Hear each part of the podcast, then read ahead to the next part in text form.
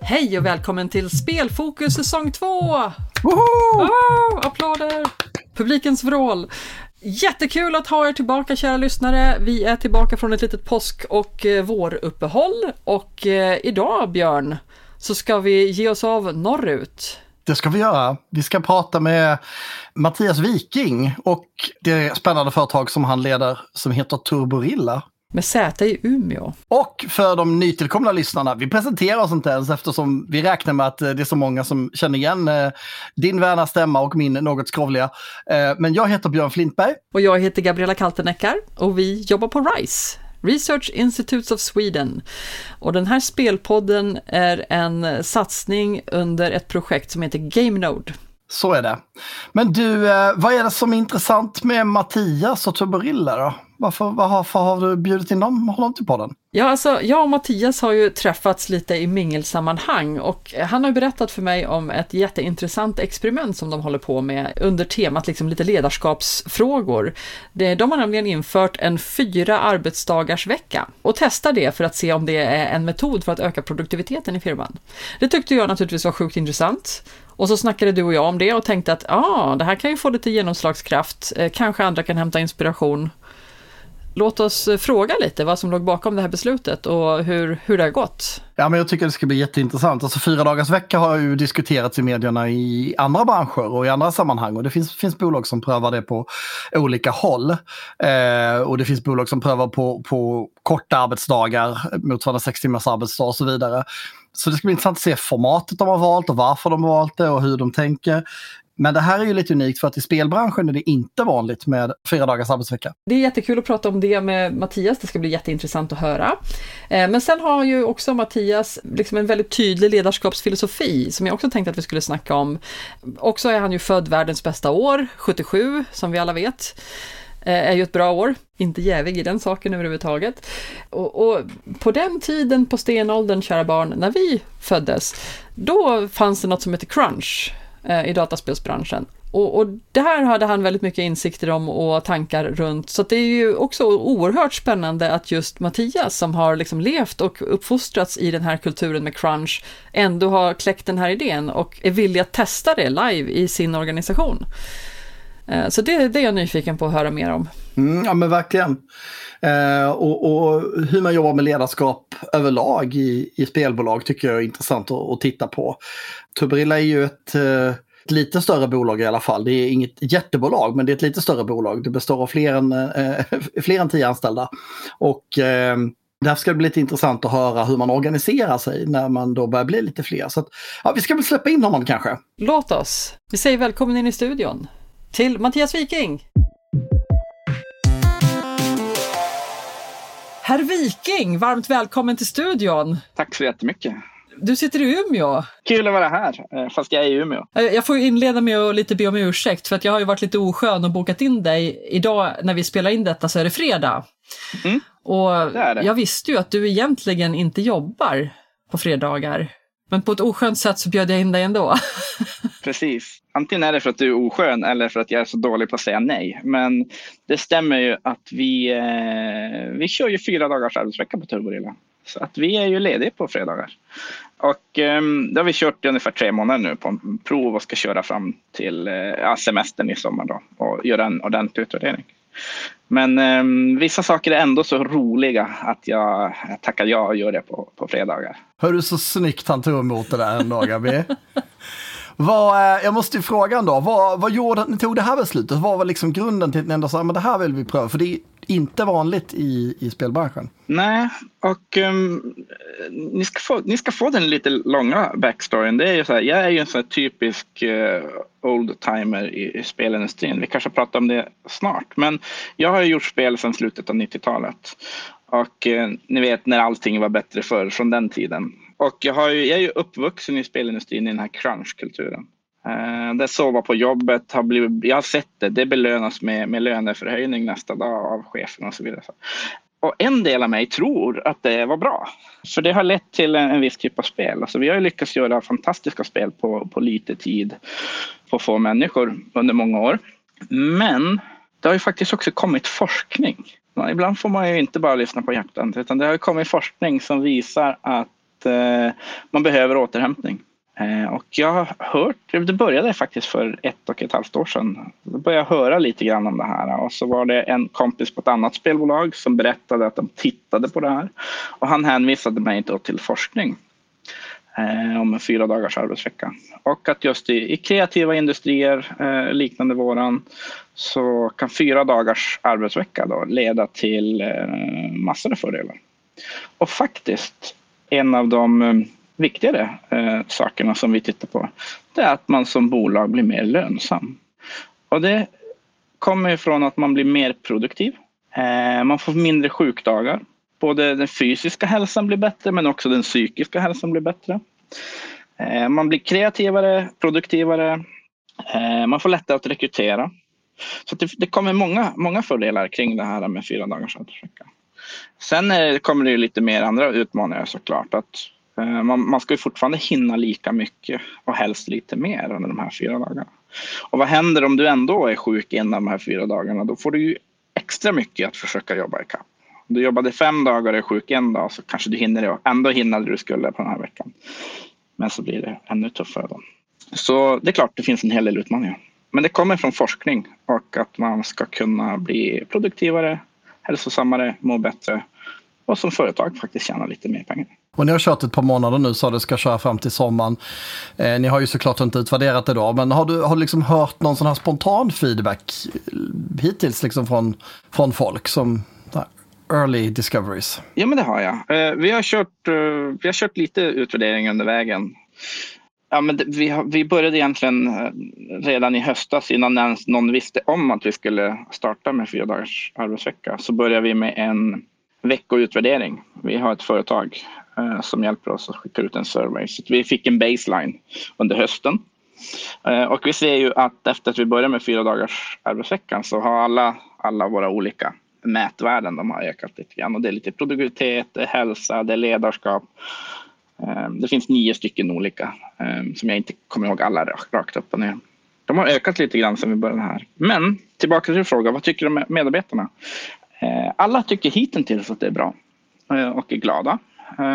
De säger att den, den dip, energidipp de kan få fick tidigare, eh, den, den djupaste dippen är inte så djup längre.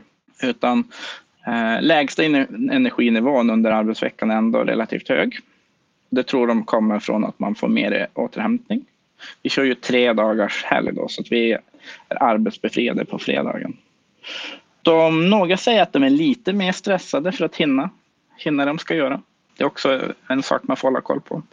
Men eh, alla vill fortsätta med det. När jag ställer frågan, vill ni, vill ni fortsätta? Så säger alla ja. Jag är ju lite nyfiken på var initiativet till det här kom ifrån. Var det en diskussion mellan medarbetare och ledning eller var det liksom någon som kläckte en idé och tyckte att det här kör vi på, och så gillade du den? Och... Nej, det kom faktiskt från mig.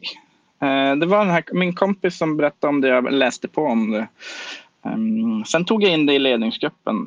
Ehm, det här var julen 2021 och i början av, av 2022 så tog jag med det in i ledningsgruppen och sa så här, hej jag har en tokig idé.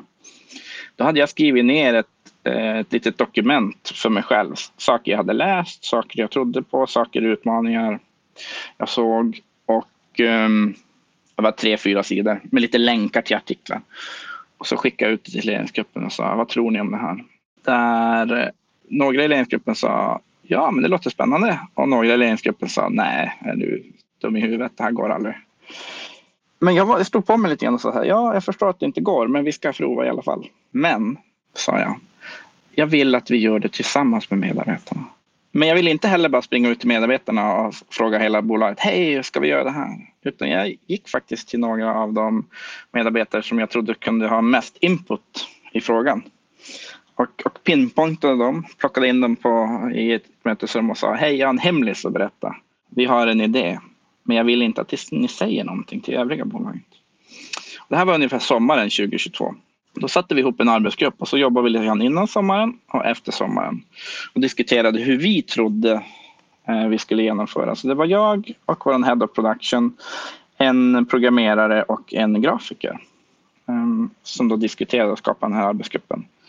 Vi satte upp lite parametrar hur, vad vi trodde var viktigt. Eh, jag satte saker som var viktigt från företagets sida eh, och de kom med input vad de trodde var viktigt från, från teamets sida.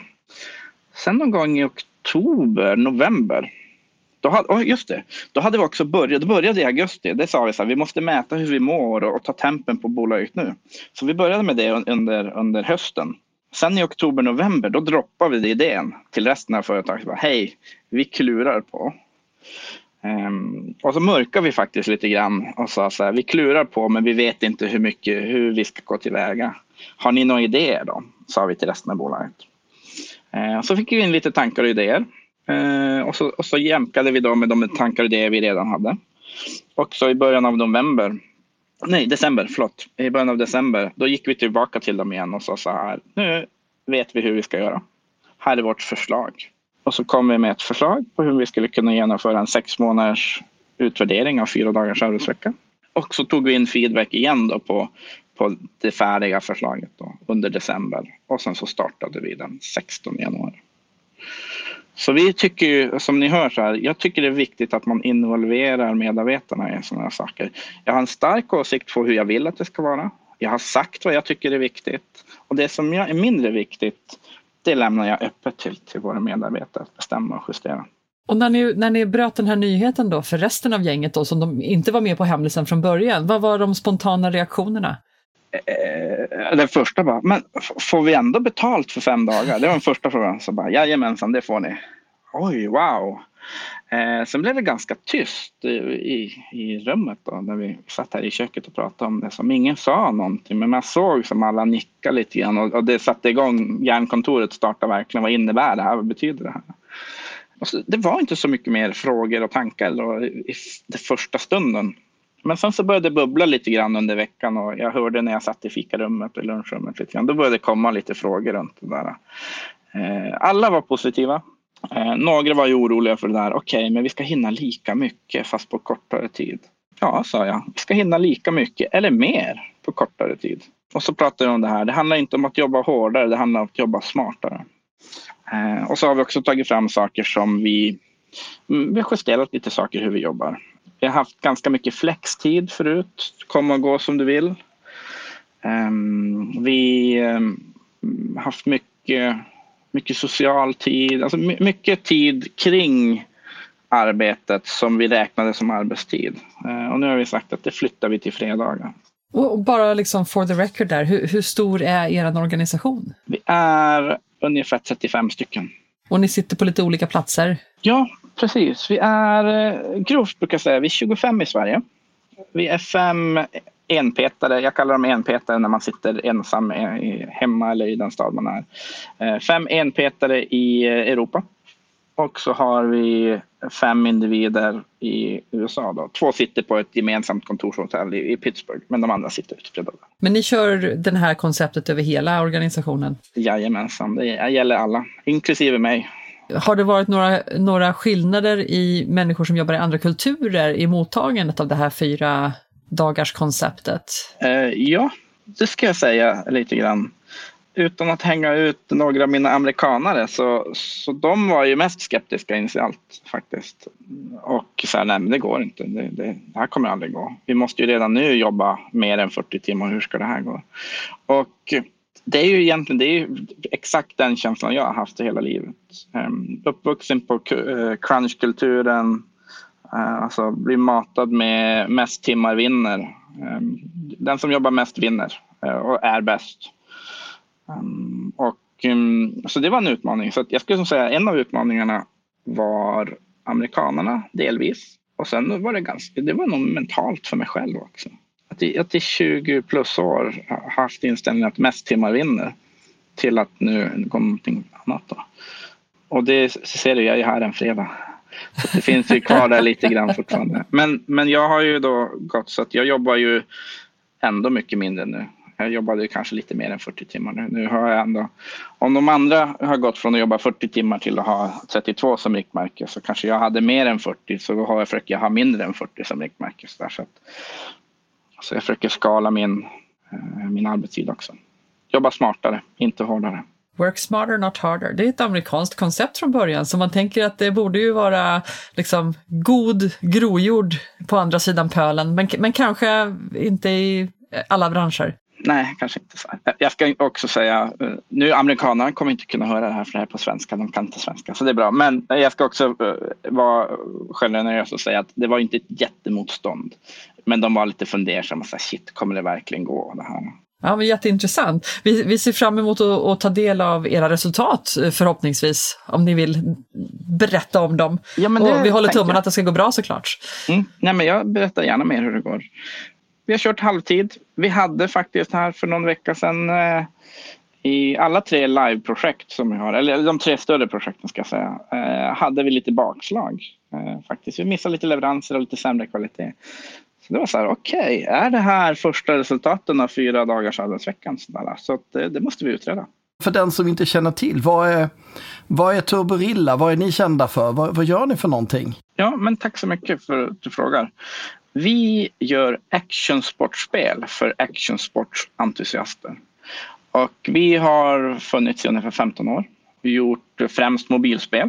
Jag har inte varit här i 15 år, men, men Turvilla har ju funnits i 15 år och gjort mobilspel. Då. Eh, några spel som heter Mad Skills Motocross, Mad Skills BMX, Mad Skills Snowcross.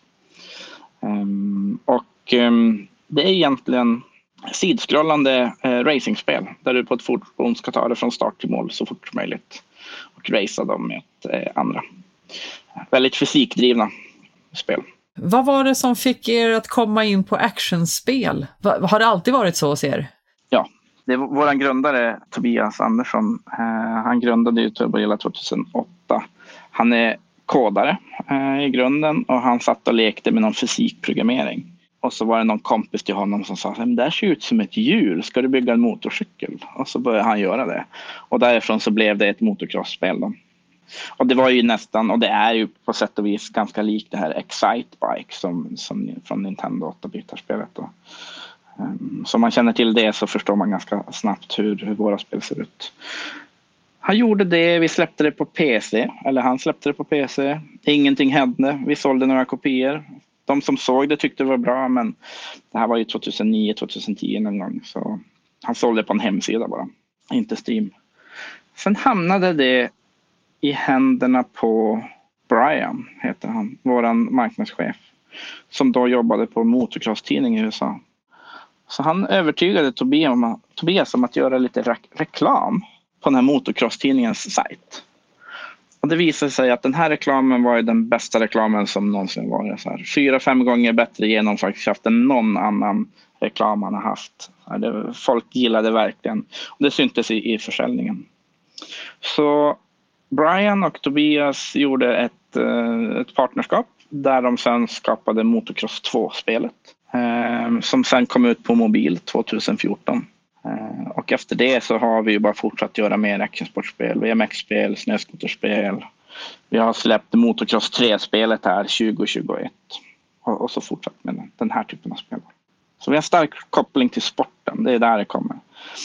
Eh, I alla våra spel så har vi en stor beta-testgrupp som kommer från, eh, från sporten.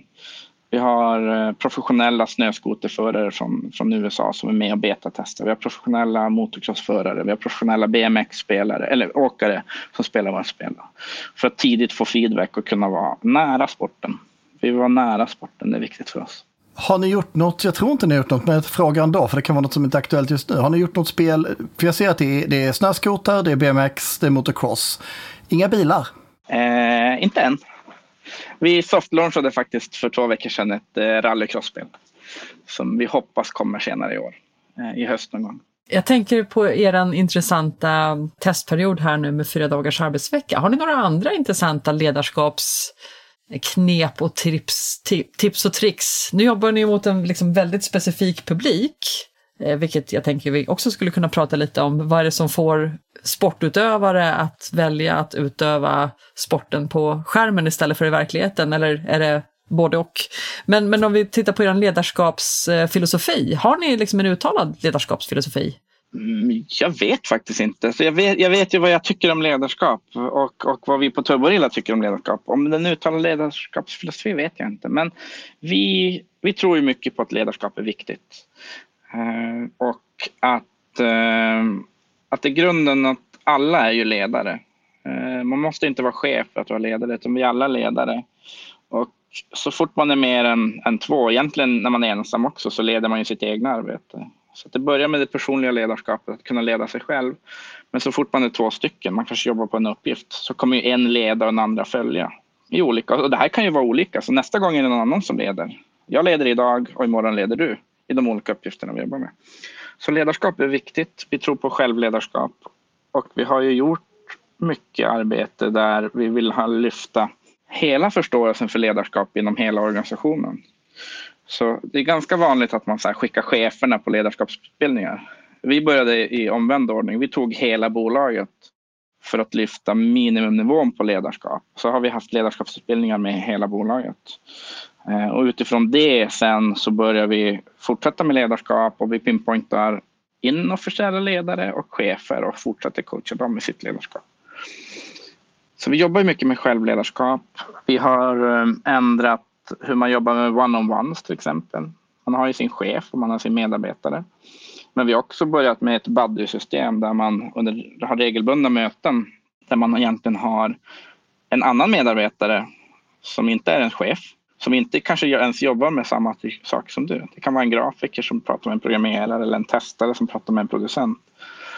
Och i ett möte så agerar du ledare och ställer frågor och, och, och kör ett buddy-samtal där man går igenom tio frågor om hur är det, hur går det, hur jobbar du med personlig utveckling, har du utmaningar, känner du stressad och så vidare. Lite som en chef kanske stämmer av med sina medarbetare. Och i nästa samtal, eh, nästa buddy-samtal, då är det en annan person som agerar ledare och frågar dig. Så i ett samtal leder du, i ett annat blir du ledd. Och det är inte cheferna som håller det här utan det är organisationen som håller med varandra. Så jag har en av grafikerna, hon, eh, hon är ledare och håller det här samtalet med mig där jag är medarbetare. Till exempel. Och sen har jag en annan som jag håller för. Hur länge har ni kört med det? Buddy-systemet har vi kört ett år ungefär. Ledarskapsutbildningarna började vi med för eh, grovt två år sedan tror jag. Och jag, jag antar att ni kör fortfarande efter ett år eftersom ni tycker att det funkar bra och ni, det är uppskattat i hela organisationen? Ja, ja. ja men det gör vi. Vi gör det, kör det fortfarande. Eh, vi tar regelbundet in feedback för att se om vi behöver ändra någonting. Vi har justerat frågorna till exempel. Eh, efter ett tag så insåg vi att man, man svarar samma sak på alla frågor. Så här, jo, det är bra. Jo, det är bra. Jo, det är bra. Ja, men okej, då måste vi byta frågor om det är så hela tiden. Men hur känns det för dig då som ändå är, är liksom ansvarig för allt det här? Att få sitta i ett buddy-samtal och berätta hur du mår och hur det går i ditt arbete. Är ni liksom så nära varandra som organisation att man, man ändå har liksom en viss insyn i varandras arbetsuppgifter? Och... Ja, jag skulle vilja säga att många har väl kanske inte så djup insyn i mina arbetsuppgifter. Jag brukar ju alltid säga att jag jobbar i framtiden. Så att ingen ska ju märka om jag försvinner förrän ett år kanske. Eh, då ska det upptäckas. Men, ehm, men det känns väl ganska bra. Alltså jag tar ju det, det, för mig handlar det ju kanske inte så mycket om vad jag får säga. Det handlar ju om att hon får lära sig att träna sitt ledarskap. Så det är ju superkul. Eh, och hon, är, hon är ganska ny som ledare. Hon har ju inte haft något, något sånt förut. Hon är ganska, ja, nu hon har jobbat några år nu men, men ändå relativt ny i spelindustrin också. Det är hennes första jobb här hos oss och så vidare. Så det är, det är nästan ett sätt för mig att få coacha henne i hennes ledarskap. Fast hon håller det med mig och sen så pratar jag. Eh, och sen så, så här, du skulle kunna följa upp med den här frågan nu. Och så får hon lite tips. Där, så att, det är verkligen en engagerad modell för att medarbetarna ska verkligen ta... För det är många som pratar om att man vill ha engagerade medarbetare, att man vill ha högt självledarskap. Det är ju bingo-ord liksom på, på floskelkartan många gånger. Men ni har ju verkligen, låter det som, satt det liksom i ett, ett system för hur det ska bli av. Det här med buddy-systemet har jag inte hört talas om innan. Nu jobbar jag inte med ledarskapsfrågor specifikt, men, men jag tycker det är otroligt intressant, precis det som du berättade nu, att även, även du har en coach och det måste inte vara din chef, utan det kan vara någon helt annan. Eh, vad har ni sett för effekter av det? Liksom, vad, har, har det lyft folk? Eller har, hur, hur byggs ledarskapet hos individerna? Har du gjort några reflektioner hos dina medarbetare? på Nej, fakt jag, nej, jag har inte gjort sådana reflektioner riktigt ännu. Eh, där jag säger att jag, att jag upplever ett förbättrat eller ett stärkt ledarskap ännu. Den feedback vi får är att många tycker att det är kul att få chansen att prata med individer man inte pratar med i vardagen. Man lär känna några lite djupare. Eh, det kan ju vara så att man, på de här buddy-samtalen så kan det komma upp någon, ja, men lite personliga saker som Nej, men det är lite tufft nu, du vet hemma har det hänt en grej ehm, och så vidare. Så, att man kan få lite ett djupare relation med varandra. Eh, så det har ju kommit fram av de här bodysamtalen. Eh, ledarskapsmässigt har jag inte sett någonting ännu. Jag tänker att det, det är kanske är sånt också som visar sig när man får chansen att befordra någon till en formell ledare. Eh, att det här liksom då är någonting som man har haft nytta av att liksom redan ha provat på rollen i olika sammanhang. Ja, men det, det, det, tror jag du har rätt i. Speciellt kanske när man börjar hålla utvecklingssamtal med sina medarbetare. Och, och då har man ju en vana av att hålla sådana här typer av samtal. Det är ju en sån där sak som man hör väldigt ofta, att det, det är svårt att eh, befordra någon till att bli en team, alltså leda ett team som man själv har varit en del av. Eh, och, och, och, ofta har jag hört att det, det också sker helt utan utbildning eller stöd eh, eller för, för, eh, förkrav kanske till och med. Utan du är helt enkelt jäkligt duktig på ditt jobb och då tänker man att då är du också duktig på att leda ett team. Ja men den klassiska chefskirurgen som är bäst på det här, nu ska hon sitta och eh, planera resurser rest, 40 timmar om i veckan istället. Jo, eh, det vill vi ju verkligen komma undan. Det är jätteklassiskt. Vi, eh, vi har det där i åtanke och vi har ett system där vi egentligen Eh, vi promotar så att man är, om du får en, en, en chefsroll, vi promotade precis en ny grafikchef. Um, ehm, och eh, den chefen jobbar 80 procent som grafiker och 20 procent som chef. Och när eh, den chefen inte kan hantera alla grafikerna då promotar jag hellre en till grafikerchef som kan jobba 80 procent och vara 20 procent chef. Det här 20-80 procenten kommer ju, det varierar ju. Under, under våren när vi kör utvecklingssamtal nu som i april, då är det kanske 50-50 man är chef och, och hinner jobba i projektet. Och sen under vissa perioder kan man ju fokusera ganska mycket i projektet. Men jag tror hellre att man ska ha en fot kvar i det området man är stark i. Eller det man gör som profession och en del i ledarskapet. Och sen så, det är ju utmaningen, man behöver kunna båda. Eh, så det är lite svårare att hitta, hitta rätt ehm, eh, ledare då, eller chefer i det här fallet. Då, för att du behöver både kunna förstå grafik, kunna skapa det och du behöver kunna vara ledare och chef. Men då får vi coacha och stötta. Eh, jag, jag också tänker lite grann eftersom ni har människor som inte jobbar på, på samma ort. Eh, hur, hur, jobbar ni med det här med distansarbete och liksom teamkänslan? Det är olika tidszoner, det är olika orter och säkert olika arbetsuppgifter också. Har ni någon speciell eh, liksom, secret sauce-recept för lyckat distansarbete? Nej, det tror jag inte vi har. Vi har ju alltid alltså, amerikanerna har varit med oss länge, långt innan ens jag kom. De har ju varit med 10-12 år tror jag. Eh, så vi har ju länge haft eh, distansarbetare i olika tidszoner. Där har det funnits redan innan jag kom in och, men, och jag fortsatte jobba med den kulturen. Det är att, eller kallar man inte kultur, tradition att försöka ses en gång per år. Så att vi, vi försöker ses, hela, hela företaget försöker ses en gång per år och ha någon typ av turboilla-konferens eh, där vi samlas några dagar och pratar om, om vårt bolag, varför vi finns, vad vi ska fortsätta göra och så vidare. Eh, det är ett sätt att hålla ihop oss. Sen har vi, vi försöker ha aktiviteter där, där vi involverar alla, eh, alla olika kontoren. Som till exempel här i februari körde vi en Game Jam-dag. Och då såg vi till att mixa alla i, i europeisk tidszon eh, var i spelteamen. Och de i amerikanska spelzonen, ehm, eh, eller tidszonen, de fick vara en speljury istället. Eh, så då, då, fick, vi, fick vi den då, så att de fick prata ihop sig där borta i USA då, när de började vakna på eftermiddagen. Eh, och vi här i, i europeisk tidszon vi jobbade med spel. Så möjligtvis försöker vi göra sådana där vi ändå vi tar tillvara på, på alla individer och försöker mixa teamen så att du um, har med varandra att göra. Inte så här Umeå gör en grej och, och Stockholm är en grej utan man är lite mixad. Möjligtvis gör vi så. Eller möjligt, det är så vi gör. Men, men möjligt är det då vårt sätt att, att försöka hålla ihop kulturen. Har ni några motocrossentusiaster inom bolaget så att ni liksom känner att ni vill ha en, sån här, en fysisk sportaktivitet? Ja, ja, men det har vi. Vi har några som kör, kör cross. Eh, det har vi. Eh, vi har också några som inte är så fysiska överhuvudtaget. Eh, så att det skulle kanske vara svårt att få dem på en motorcykel. Men jag vet att eh, innan jag kom in i bilden så var vi bara med, då var vi mycket färre, var vi åtta, nio stycken. Då var de iväg på motocrossbana. Men eh, det slutade med en krossad näsa och ett läkarbesök. Så så då tänkte vi att vi kanske inte skulle göra det. Men nu ser förra maj då när vi hade näst, eller senaste teammötet. Då var vi faktiskt ute och körde quads som är sådana här fyrhjulsdrivna bilar men tvåsitsiga. Och då hade vi två som, som välte. Eh, så jag vet inte, vi ska kanske hålla oss från den här fysiska aktiviteten. Det är ett bra sätt att testa sin, sin eh, eh, programmeringskunskap i, i, hur fysiken funkar. Ja, exakt. Ja.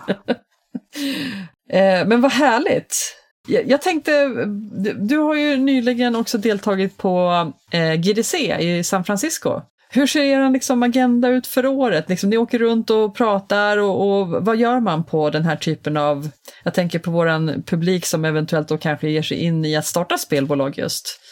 Varför är det viktigt att åka på sådana konferenser? Vad har man att förvänta sig?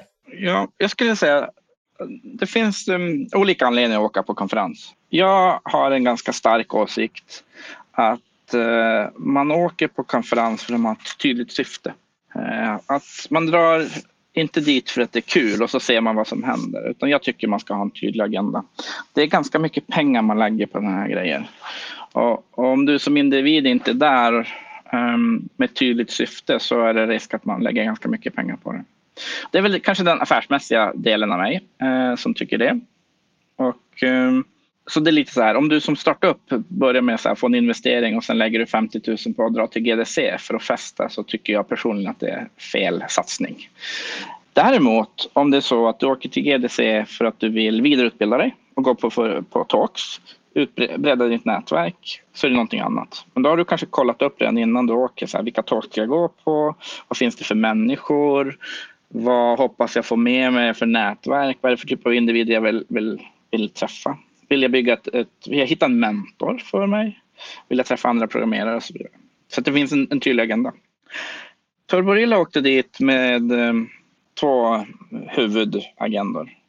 Det ena, som jag väl, ja det kan jag säga, det är att vi tittar på hur kan vi göra mer actionsportspel på andra plattformar.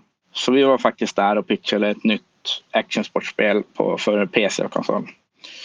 Vilket innebär att vi har de senaste, senaste halvåret förberett oss för att åka till GDC. Vi har jobbat med en prototyp. Vi har jobbat på en pitch. Eh, vi har kontaktat förlägg, förläggare i, i, långt innan. Vi har bokat möten och så har vi åkt dit och så har vi pitchat och visat vårt spel. För vi söker en förläggare till det spelet. Man kan göra samma sak fast man kanske åker dit för att pitcha sitt bolag för att man vill träffa en investerare. För att man vill ha investering i bolaget. Men allt det här krävs ju ganska mycket förarbete. Så att bara komma på sig en kvart innan GDC börjar att åka dit. Då tror jag man kastar bort sin, sin tid. Så det krävs ganska mycket förberedelse på att åka på de här typen av konferenser. Den andra delen som vi också fokade på det är att vi har ju en del affärskontakter redan och en del befintliga relationer eh, som jag ville bibehålla. Eh, och det vi diskuterade innehåll i några kontrakt med, med befintliga partners. Så det var som två saker. Nya affärer, jobba med befintliga affärer. Så ingen av oss det här året gick på föreläsningar till exempel. Och hur många var ni som åkte? Vi var fyra stycken som åkte. Det är ju en ansenlig investering naturligtvis att resa över pölen. Och det är en vecka så att man är där många dagar och hotellrummen brukar ju generellt sett vara lite dyrare då när det är stora event. Exakt. I vårt fall så var det ju tre amerikanare och jag som åkte. Okay. Så jag och min marknadschef fokuserade främst på befintliga affärer och, och partners och eh, designchefen och en annan individ pitchade nya spelkoncept. Då. Och jag såg till att, att hjälpa eh, vår designchef då, för det var hans första GDC. Som pitchare var det hans första GDC. Han har varit där och gått på föreläsningar förut men nu var det hans år när han fokade på föreläsningar. Så att jag hjälpte honom boka möten och så vidare. Och så gjorde jag våra grejer, jag och vår marknadschef. Jag tycker det låter så uppfräschande att lyssna när du pratar om ledarskap och hur ni tänker runt olika roller. Eh, vet du andra bolag liksom i branschen som också som du har blivit inspirerad av eller som du är mentor till? Eh, nej men jag är väl jag är mentor till några individer. Jag är väl mer mentor för några individer än, än, än som bolag. Vi som bolag Turborilla fick ju en, en ny delägare förra sommaren. Och den delägaren jobbar med spelinvesteringar och har investerat i fyra andra bolag före de kom in hos De andra fyra bolagen är väldigt, väldigt juniora. Eh, och där har jag liksom klivit in och försöker stötta dem då i, i mån av tid. Jag var bland annat och träffade de här fyra bolagen i tisdags den här veckan. Och de fick visa sina pitchar som de ska köra på Nordic Game här nu i, i maj. Eh, sen visade jag våran pitch vi hade på GDC och sen så bröt vi sönder våran pitch. Jag sa vad som var bra med den, syftet bakom Biaslide, vad vi hade missat, vad förläggarna frågade efter och vad vi nu jobbar med, med att förbättra när vi ska gå vidare. Och sen så tog jag deras slides och så, så bröt vi sönder dem och sa det här var bra, här skulle man kunna gjort något annat. För mycket information, för lite information. Ni behöver inte berätta de här detaljerna. Ni behöver inte ha ett förslag på en affär i ena slidesen utan affärsdealen, det kan, vi, kan ni prata om sen. Så, här så mycket sånt. Så det är väl ett typ av, av mentorskap som jag jobbar med. Och, och när vi tänker liksom ledarskapsfrågor eh, och kanske främst ert experiment som ni eh, jobbar med nu med fyra dagars arbetsvecka, förutsatt att det här verkar superpositivt på er organisation, tror du att det kommer ha en impact i spelsverige? Jag vet inte om vi kommer ha har, har, ni, har ni ögonen på er liksom? Vet du, får du frågor? ja, men, ja, det kanske vi har fått. Ja, jag får mycket frågor, det får jag. jag jag tror inte att vi kommer vara någon, någon inte, vi kommer inte göra någon skillnad, men möjligt kanske någon annan, någon större individ tittar på oss och tycker det är intressant. Och det, och det kommer ju vara när de stora bolagen gör det här som, som det händer någonting. Jag tror också att det är en vattendelare.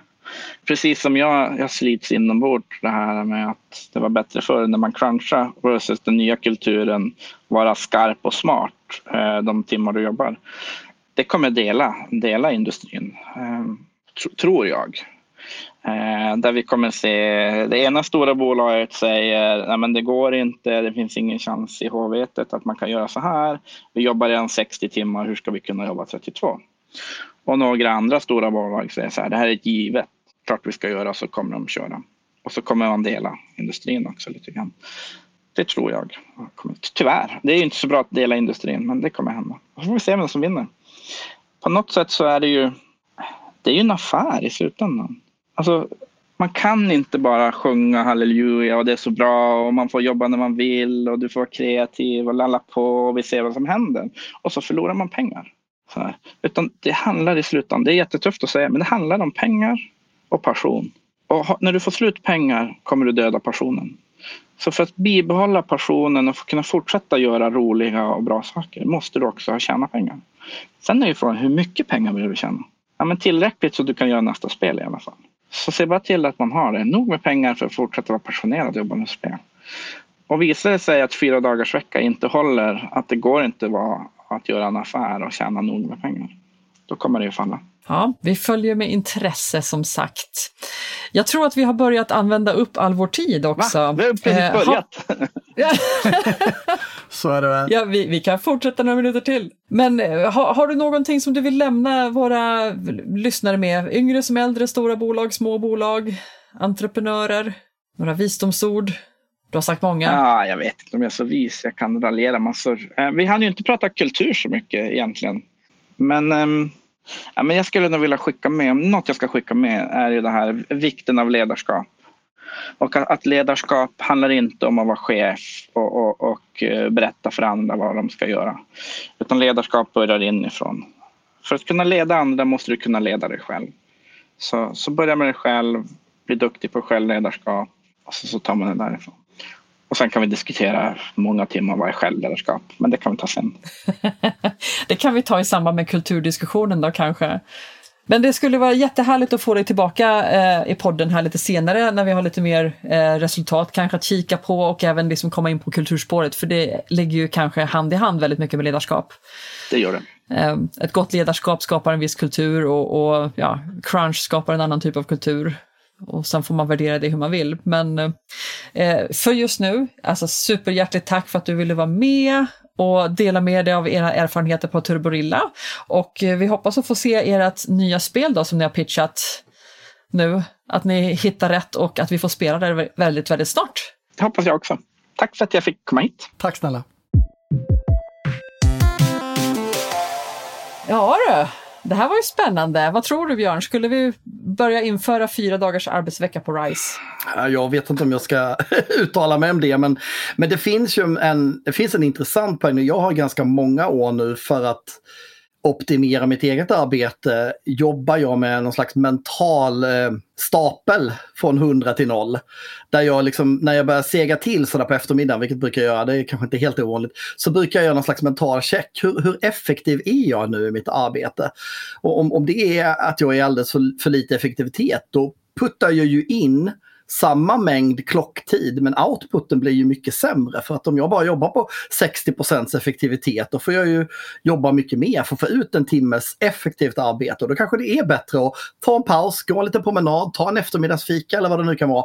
Och sen så är man uppe på 85-90 igen och kan börja leverera mycket, mycket mer effektivt. Så jag tror att det är, jag tror att det är nyttigt att ha det där tänket att, att det handlar inte bara om timmarna du bockar av om du nu har ett jobb där du har så att säga den formen av frihet att du kan planera din arbets arbetsdag på ett sånt sätt. Det är inte alla yrken där det är möjligt.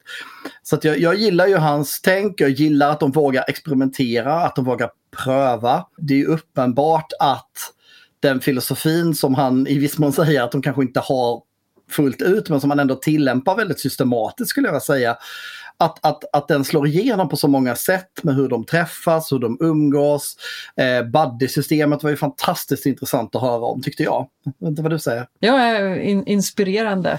Jag, jag håller helt med dig i det här med att man har observerat sig själv under hela sin karriär med hur man är effektiv och när man jobbar. Jag har ju dessutom jobbat som industrial engineer med just effektivitetsanalyser och, och ja, det, det yrkesområdet kallas för operational excellence och det Mattias nämnde, work smarter not harder, det är exakt det man jobbar utifrån i, i den principen.